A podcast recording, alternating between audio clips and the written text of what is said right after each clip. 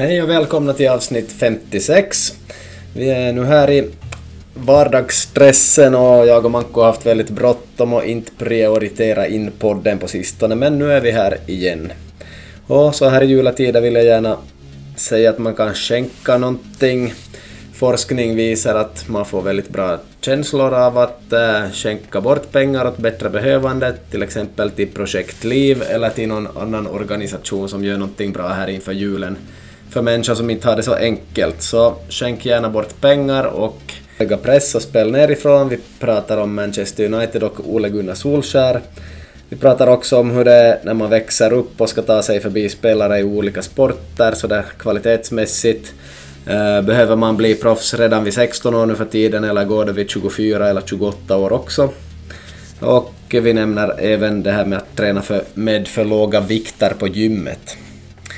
Ja, jag tycker det blev ett bra avsnitt 56 så hoppas ni får någon nytta av den här lyssningen. Nu kör vi igång avsnitt 56 som presenteras av Andreas Knips hembageri. Okej, är Manko med? Ja, det är jag, det är jag. Yes, hur är läget med dig? Riktigt bra tack, riktigt bra. Själv? Ja, full stress på emellanåt och mycket idrott och allt möjligt, men bra absolut, inte våga säga något annat. Nej, no, det är ju det som, som nog man kanske lite så här i juletider får tänka på att man har ju nog det ganska bra ställt ändå, eller vad?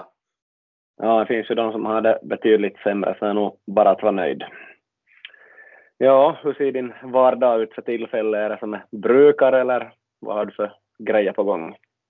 Det är nog ganska precis som det, som det brukar, att det där um, jobb och, det där um, hem och familj och sen blev det paus nu med dotterns fotbollsträningar här då de skulle sätta stolar i en gympasal så att det, det är paus från det.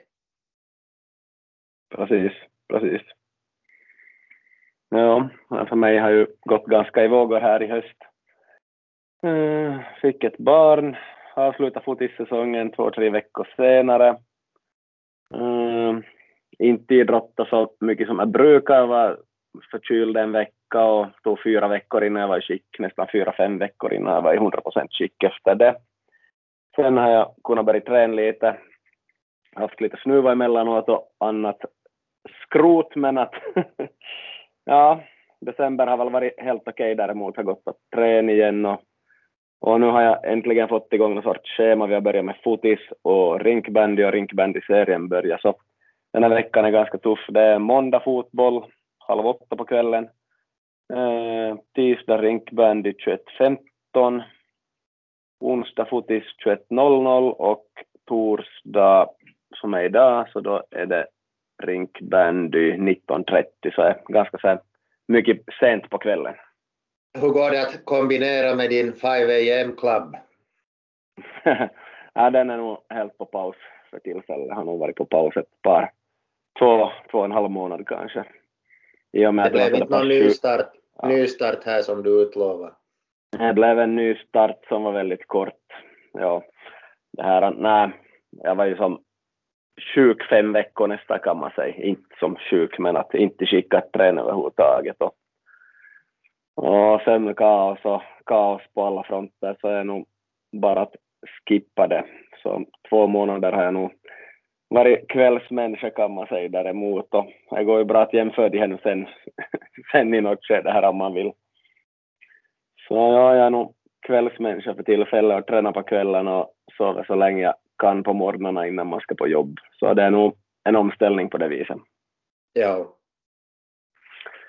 Men att, ja, om jag ska avslöja facit så vill jag ju nog tillbaks dit någon gång i framtiden, kanske nästa vår eller någonting till att stiga upp tidigt och ändra på rutinerna, men att nu får det nog vara flera mm. månader på det här viset, speciellt vi har sena kvällsträningar och kvällsaktiviteter, så det passar ganska bra att, att vara aktiv på kvällen och sova längre på morgonen. Ja. Skulle jag få välja själv skulle jag kanske göra på ett annat sätt, men styrd av, styrd av allt möjligt, plus att man inte vet hur alla sover där hemma, så inte alltid så så jättepositivt om man sticker iväg klockan fem, speciellt om man far ut ur huset och fara på egna äventyr och det skulle behövas någon hjälp mitt i allt där tidigt på morgonen. Ja. Så massor som har hänt på det viset. Och mycket jobb därtill och ja, det är nog tusen saker på gång igen som det brukar vara förr fast jag tyckte hösten var lite lugnare ett tag. Mm. Är det mer fotis, den har inte kommit igång ännu kanske då? Nej, vi ska väl börja, börja på här i januari sen, att lite senare, senare än vanligt. Ibland har vi ju börjat nog i december, men att, att nu, nu är det nog mot januari som det går.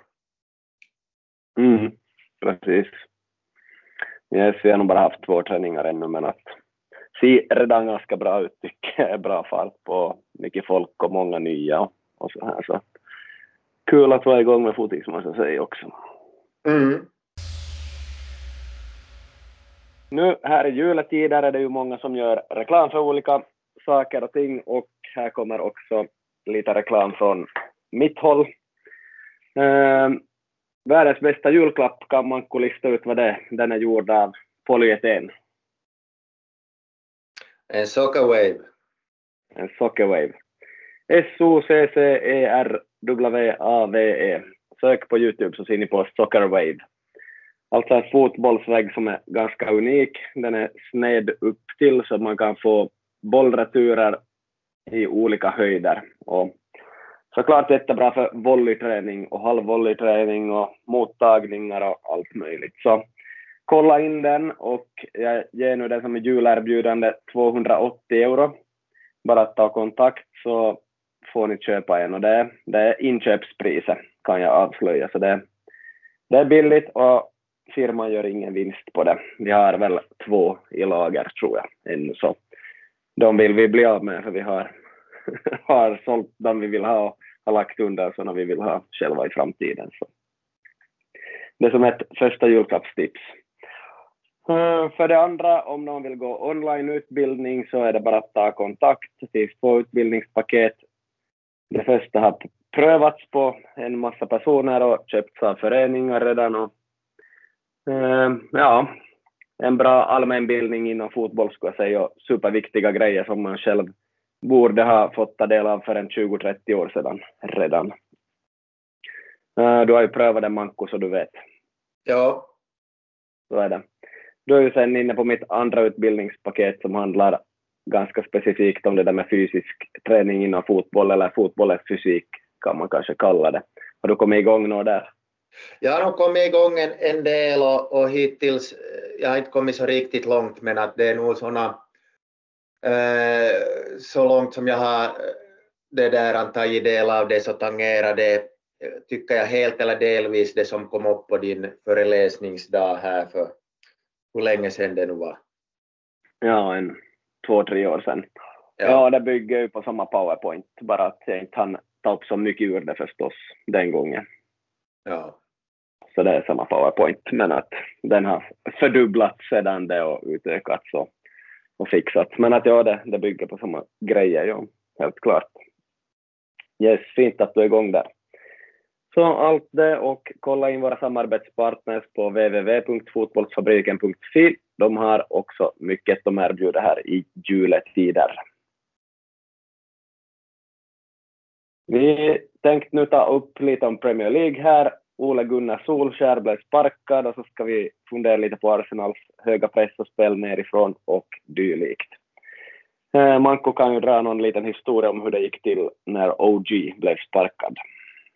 Ja, det har ju varit det där uh, under kanske ett års tid minst har det varit så där att hur länge ska han få vara kvar och sen när det har gått lite sämre så, så har, har det sagts att nå, nu avgör den här matchen hans framtid. Och sen har, har de alltid vunnit de där matcherna som, äh, som har varit avgörande och så har han fått stanna kvar. Men att nu blev det lite för många, lite för dåliga resultat i rad. Så att man, man det där valde att sparka honom då, men att fansen har ju tackat honom med dels, dels på sociala medier och sen också med banderoller på Old Trafford att, att det som är summan av kardemumman är väl att, att, att han, det tar inte ändå bort någonting av hans spelarkarriär och hans hjärta för klubben det där att det inte lyckades den här gången så bra som manager för honom.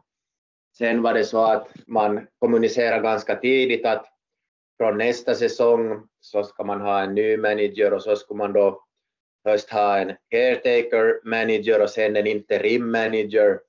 Så då började det med, med det där um, Michael Carrick med stab som tog över och så väntar man på att den här Ragnick, tysken, skulle det där um, få sitt arbetstillstånd i skick och uh, då fick han det och, och då har han nu haft en Premier League-match och en Champions League-match och det blev vinst i den här Premier League-matchen och sen blev det kryss igår med i princip hela öppningselvan utbytt och chansen till många, för många egna spelare och talanger uh, i och med att man hade säkrat redan den här gruppsegern i Champions League. Så att det, det, är intressant att se hur det går nu. Sen är det belovat att han ska få någon sorts konsultroll i föreningen sen när man anställer en ny manager, men beroende på hur det kommer att se ut så kommer det väl att gå i vågor det här att vill man hålla kvar honom eller som tränare eller vill man då följa planen och ta in en ny. Och, och det som har varit då snackisen är då att, att han förespråkar en sån här eh, hög, hög och intensiv press att vinna, vinna bollen snabbt och för att då ha närmare till målet sen och han spelar då med ja, någon form av 4-2-2-2 uppställning med Ronaldo och Rashford på topp här i, i den här Premier League-matchen och, och det där. Eh, jag såg inte så noga på det men att, att en del säger ju nog att det, det har varit, sett riktigt bra ut.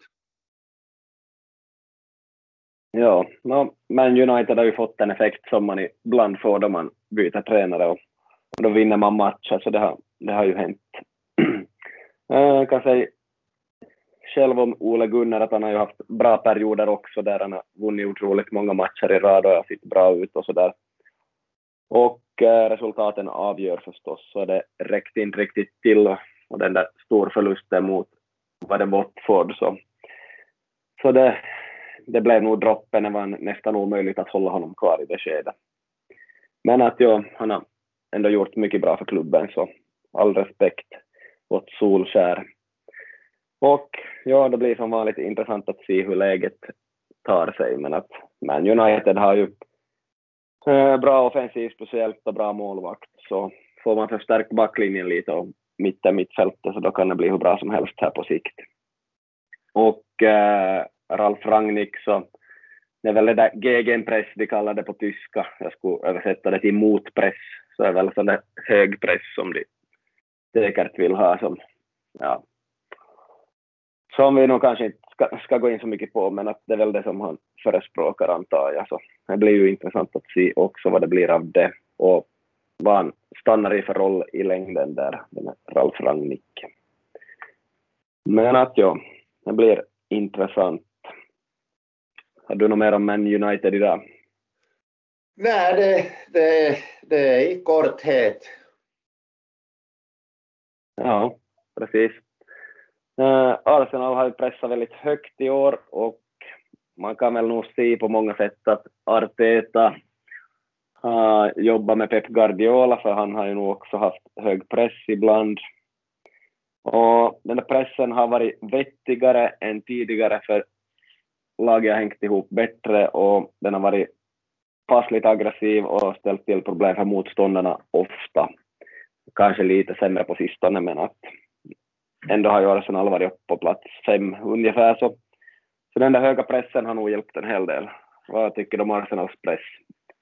Ja, det där är precis, precis som du säger att man försöker ju ibland ta det där äh, riktigt aggressivt uppifrån och som det nu alltid går så, så ibland är det så att, att det är någon som far och pressar och, och de andra inte hinner med, men att så är det ju på alla nivåer. Ja, tyvärr. ja, eh, de har ju spelat nerifrån också, ofta så att målvakten har bollen och två spelare står några meter ifrån målvakten.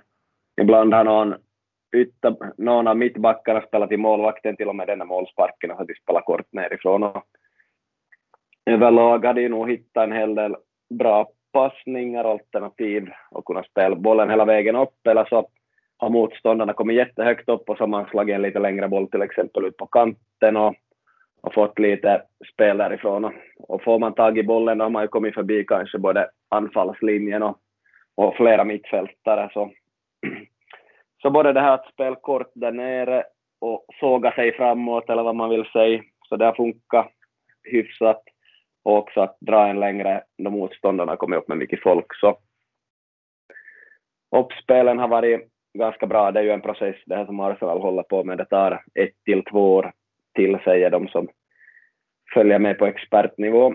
Och det är ju därför det krävs tålamod med Arsenal. Det kommer förluster mot lag som Everton ibland och sånt här, men att äh, det finns ju någonting där som inte har funnits på länge, skulle jag säga, med Arteta. Ja.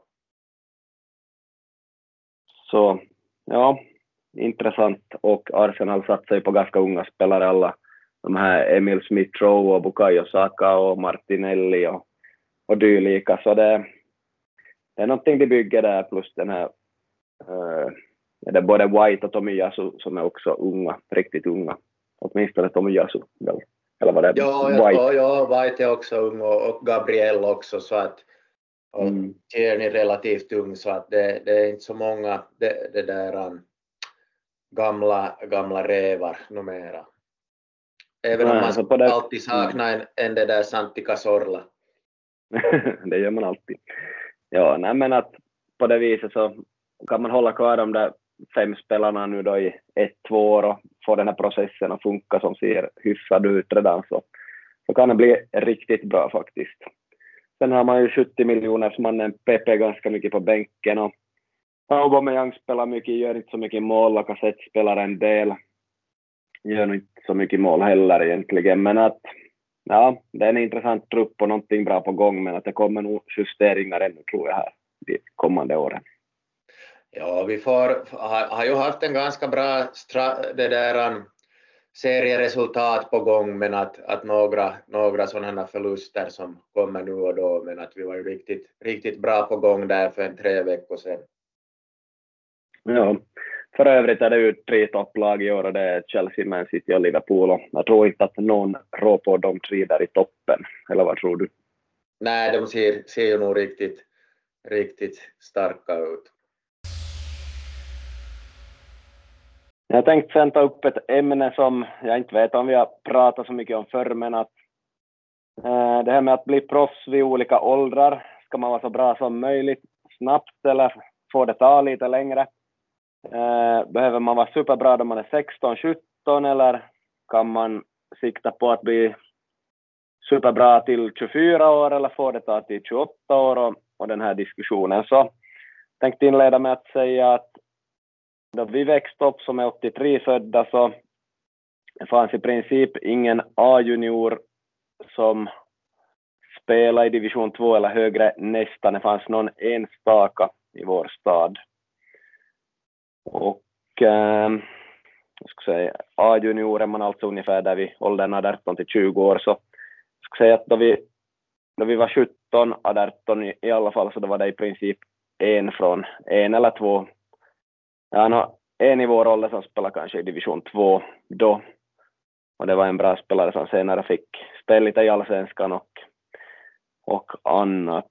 Men då vi blev 18-19 så då, då blev det kanske lite mer populärt att träna i division 2 och vissa tog sig in och började spela där. Men att liksom där vid 17 och 18 det var nog extremt sällsynt att någon fick spela i division 2 överhuvudtaget. Skulle jag säga. Så någon 17-åring har nog inte spelat i tvåan knappt och absolut inte högre än tvåan. Inte då vi var 17 skulle jag säga i alla fall. håller du med någorlunda här? Ja, nu håller jag med om det, ja. Yes.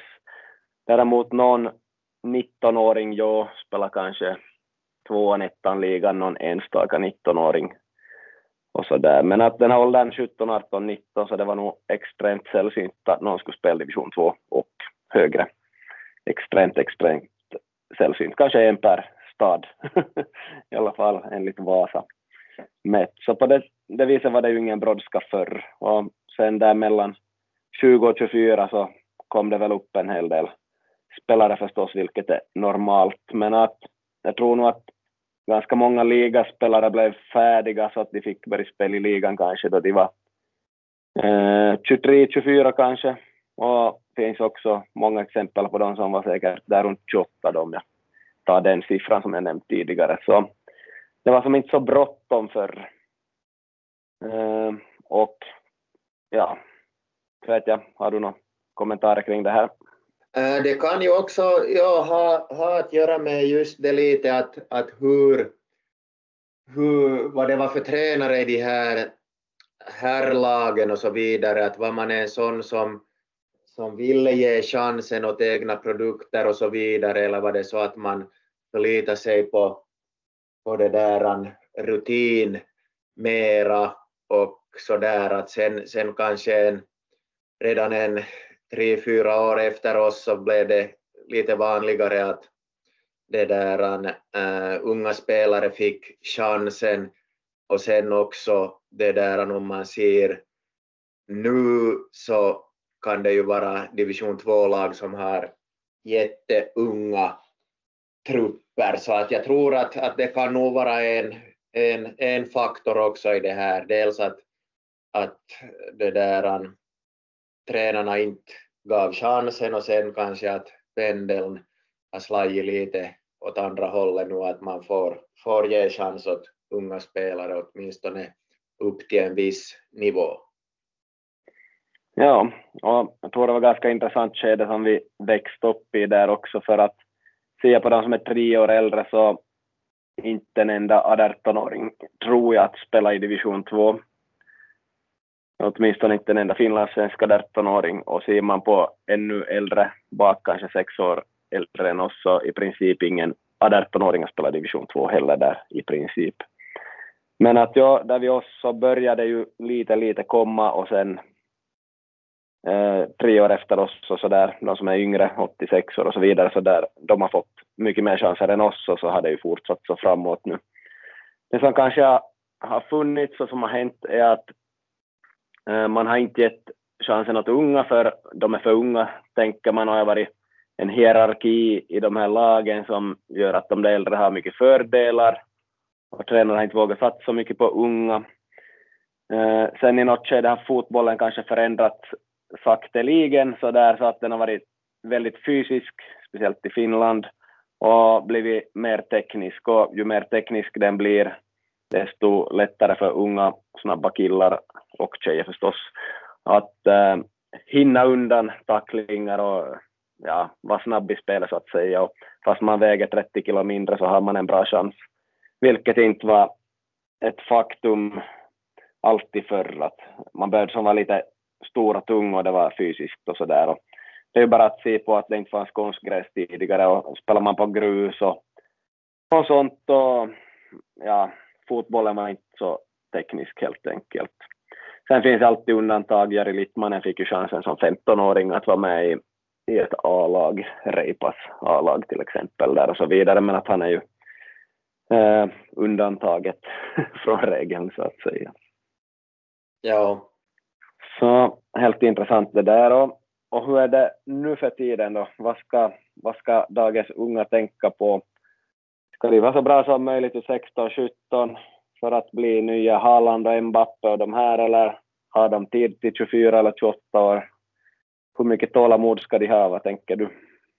jag tänker, tänker att lite som, som det där i samhället i övrigt att, att det där man kan inte det där säga något definitivt svar så där som gäller för alla utan att, att det beror mycket på det där förutsättningarna och, och personlighet och vilka chanser man får. Att jag tror inte att man kategoriskt kan säga att, att om man inte blir som 16-åring så är det för sent. Mm, ja, nej, absolut. Det som jag tror att händer är att man äh, satsar hårdare på något vis nu på de här 12, 13, 14, 15-åringarna och möjligen innan det också att, att det ska bli bra ganska snabbt. Inte på alla kanske, men jag tror nog att det har ökat att man ska få snabbt de här spelarna att bli bra och lovande. Jag tror det blir allt mer press på att du ska vara riktigt bra då du är 16-17 år redan. Att där tror jag att både tränare och, och alla möjliga sätter en stor press på unga, lite i onödan. Plus att det förstås kan knäcka de här spelarna lite och få dem att satsa på annat. Så Uh, ja, speglar ju dagens samhälle lite kanske att det är bråttom med allting, men att okej, okay, det är en viss brådska, men att alla är inte redo att uh, ja, det är inte ens möjligt att få alla att bli så bra som möjligt där mellan, Från 12 år till 17 år med jättebra träning och allting, så alla utvecklas olika. Så så att äh, satsa på att få alla att bli så bra som möjligt till 17 år, så det, det kommer inte att lyckas. Men vissa kommer förstås att bli väldigt bra och lovande då de är 17 så att de kan flytta vidare, men att det är ju lite tidigt på sätt och vis, kan jag tycka, och tycker att man skulle behöva mer tålamod och, och ha bra serier ända upp till 23 år, sådana U23-lag och sånt, så att, så att utvecklingen får ta längre också, men där tror jag vi tappar många spelare i åldern 19 till 23.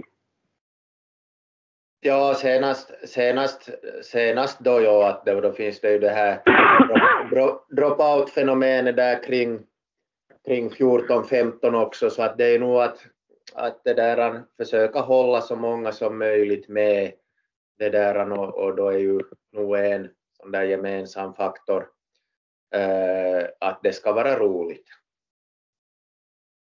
Ja, så är det. Sen finns det de här långkörarna som spelade sin första ligamatch då de är 28, Jamie Vardy och, och många andra. Eller hur gammal han var, men i alla fall ditåt. Så att det finns ju de också, men det krävs nog väldigt mycket tålamod av dem för att orka nöta på i division 2 och kanske division 1 och, och till slut få en långsam utveckling och få rutin och, och det som de har saknat och, och slå igenom lite där först vid 28 och ha en bra karriär då i 5, 10, 12 år beroende på hur länge de har spelat. Så man måste tänka att det finns alla sorter, men att i Finland som inte är något super eh, fotbollsland så att säga, finns mycket andra sporter och, och bra ekonomi i landet eller jobbmöjligheter och så här och studiemöjligheter och allt så det är nog ganska svårt att hitta de här som, som ska slå igenom som 28-åringar. Det är nog säkert någonting annat som har tagit över i livet innan det oftast. Ja, precis det att, att det där att hålla på på en någorlunda nivå så, så för, att, för att göra det så finns inte riktigt ekonomi och, och arbetsmarknaden lockar nog då mera. Precis. Men att kärleken till fotboll kan ju förstås finnas kvar och, och bidrar till att man slår igenom sent också. Sen äh, spelar man ju fotboll längre nu än man gjorde tidigare, ju bara att se på Zlatan och Buffon och förstås många andra. Äh, jag tror nog att den här åldern har höjts och just genom att alla sköter sig bättre, sköter sin hälsa bättre och allt sånt här och träning bättre så förlängs ju nog karriärerna. Det kan inga medeltal på siffror men skulle vi nog säga att ett medeltal när man lägger ner karriären skulle vara 34 eller 35 på proffsnivå förr så har det nog säkert höjts med ett par år idag. Vad, vad det än är för siffror kan jag tänka mig att man säkert i medeltalet är aktiv en tre, fyra år längre och det kommer säkert att öka bara det här. Ja.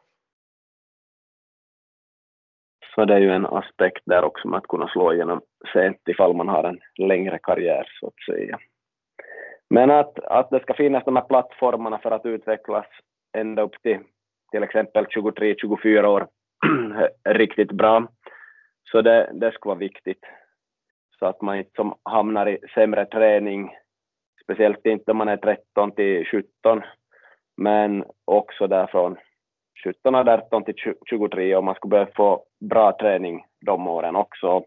Fast man blir lite ratad och kommer ner till division 3 eller 4 så skulle behöva finnas bra tränare i division 3 och 4 också som ser till att de får bra träning tills de kan gå uppåt igen till en högre division där de såklart får bättre träning och, och sen ha chansen också. Så att vi inte får så många som slocknar som ändå har brinnande intresse och skulle kunna vara lite late bloomers, alltså sådana som blommar sent. Mm. Yes, så hoppas nu många tränare och folk i ledarposition hör det här och tar en funderare kring det. Och just det här, man växer ju upp och tar sig förbi spelare i olika sporter. Eh, man kanske börjar i ett lag då man är i lågstadiet och så hör man till de fem sämsta eller något, men är man ivrig så kanske man är bäst i det laget småningom och så kommer man till ett nytt lag där man får börja kämpa mot bättre spelare och så jobbar man sig upp där och tar sig förbi de där spelarna. Och hur bra lag man kan ta sig upp och komma förbi de här spelarna i det, det, beror ju på. Men att äh, ser jag på mig själv så de några första lagen jag spelade i så har jag tagit mig förbi de flesta, speciellt äh, beror det ju på att nästan alla har slutat i de där lagen. Bara att se på en dropout där vid 13-14 år som om typ alla andra slutar så är man väl bäst då man är kvar. Nej, jag kan, kan också se på en sån sport som rinkbandy som spelare som ingen hade en chans mot i våra grannbyar förr i tiden. Fast de kom 15 minuter sent till en match så gjorde de vad de ville. Sådana som är tre år äldre än mig, men att i dagens läge nu då vi är betydligt äldre än ändå, högstadieåldern, så, så i dagens läge så, ja, vi är på samma nivå allihop i dagens läge och det är typ veckoformen som avgör vem som är bäst. Så då, då kan man ju säga att vi andra kom ikapp sent, sent inom en sån idrott också. Det kan hända inom fotis också, bara man håller på och orkar nöta på. Yes, ett av de största problemen på gymmet, jag har varit mycket på gym på sistone, eller inte mycket men mer än, mer än tidigare det här året i alla fall, så det är nog att folk använder för låga vikter. Och eh, ja, jag har också hört undersökningar att eh, också sådana som satsar på att eh, träna styrka så det är bara 10 procent som använder tillräckligt höga vikter. Och eh, 90 procent tränar med för låga vikter och eh, klarar för många repetitioner både då man tränar ensam eller då man gör en cirkelträning. Så om man till exempel har 40 sekunder cirkelträning så ska man göra den där övningen så att man orkar det då i 40 sekunder eller högst kanske en eller två repetitioner till då, det, då tiden tar slut. Inte så att man ska orka 40 sekunder till då tiden tar slut liksom att man ska nog som bli trött så pass höga vikter måste man ju ha i en cirkelträning innan man ska till nästa station. Och också annars att man lite har koll på på hur mycket man ska ha vikter och eh, hur många repetitioner och allt det här. Så det är någonting att tänka på det här med att inte ha för låga vikter. Har du Manko några erfarenheter kring det här? Äh, uh, ja, inte, inte på det sättet erfarenheter, men, men det är väl just det här eh, gamla klassiska att, att man ska, om man vill Eh, bli starkare så är det väl, väl en just att man ska orka en tre, fyra repetitioner i varje set och sen, sen för muskeltillväxt så är det kanske en 12 till 15 och sen om man orkar mera än det så är det en annan form av träning. Att, att det är väl det kanske som, som det gäller att hålla koll på, att vad är syftet med just den här träningen? Mm, precis. Ja, men att eh, jag tror, som jag har hört forskning på sistone också, att många kanske då ska lyfta 15 gånger någonting och, och det gör de, men att de, problemet är bara att de ska klara 15 gånger till med den vikten. Så att ha tillräckligt tunga vikter för att orka det där 15 också, så att man är helt slut på nummer 14-15 där. Att i värsta fall kanske bara klara 13 repetitioner. Det är bättre än att man skulle klara 30 mm. i så mm. fall. Så, så det där låga vikten kan vara ett problem. Så det är någonting att tänka på. Sen är det ju jobbigt att lyfta tunga vikter och, och att ha lite lättare är ju förstås psykiskt så här skönt jämfört med att kämpa. Eh, därmed avslutar vi dagens avsnitt och när man tror att vi återkommer. Vi måste väl nog komma här inför, inför jul och nyårshelgen säkert inför Boxing Day ha en liten där, en, äh, eh, sammanfattning kanske eller någon årskrönika. Det är lätt att lova så här på förhand förstås. Det är lätt att lova, sen är det svårt att få inprioriterat det. Nej men absolut, före vad ska vi säga, vi får sikta in oss där någon gång 21 till 23 att vi hinner ta oss tid en stund och, och fixa det här. Och tid är ingenting man har, tid är någonting som man tar sig. yes. Okej, okay. ha det fint Manko ja. och alla lyssnare. Vi hörs. Bra. Ja, tack och hej. Hej då.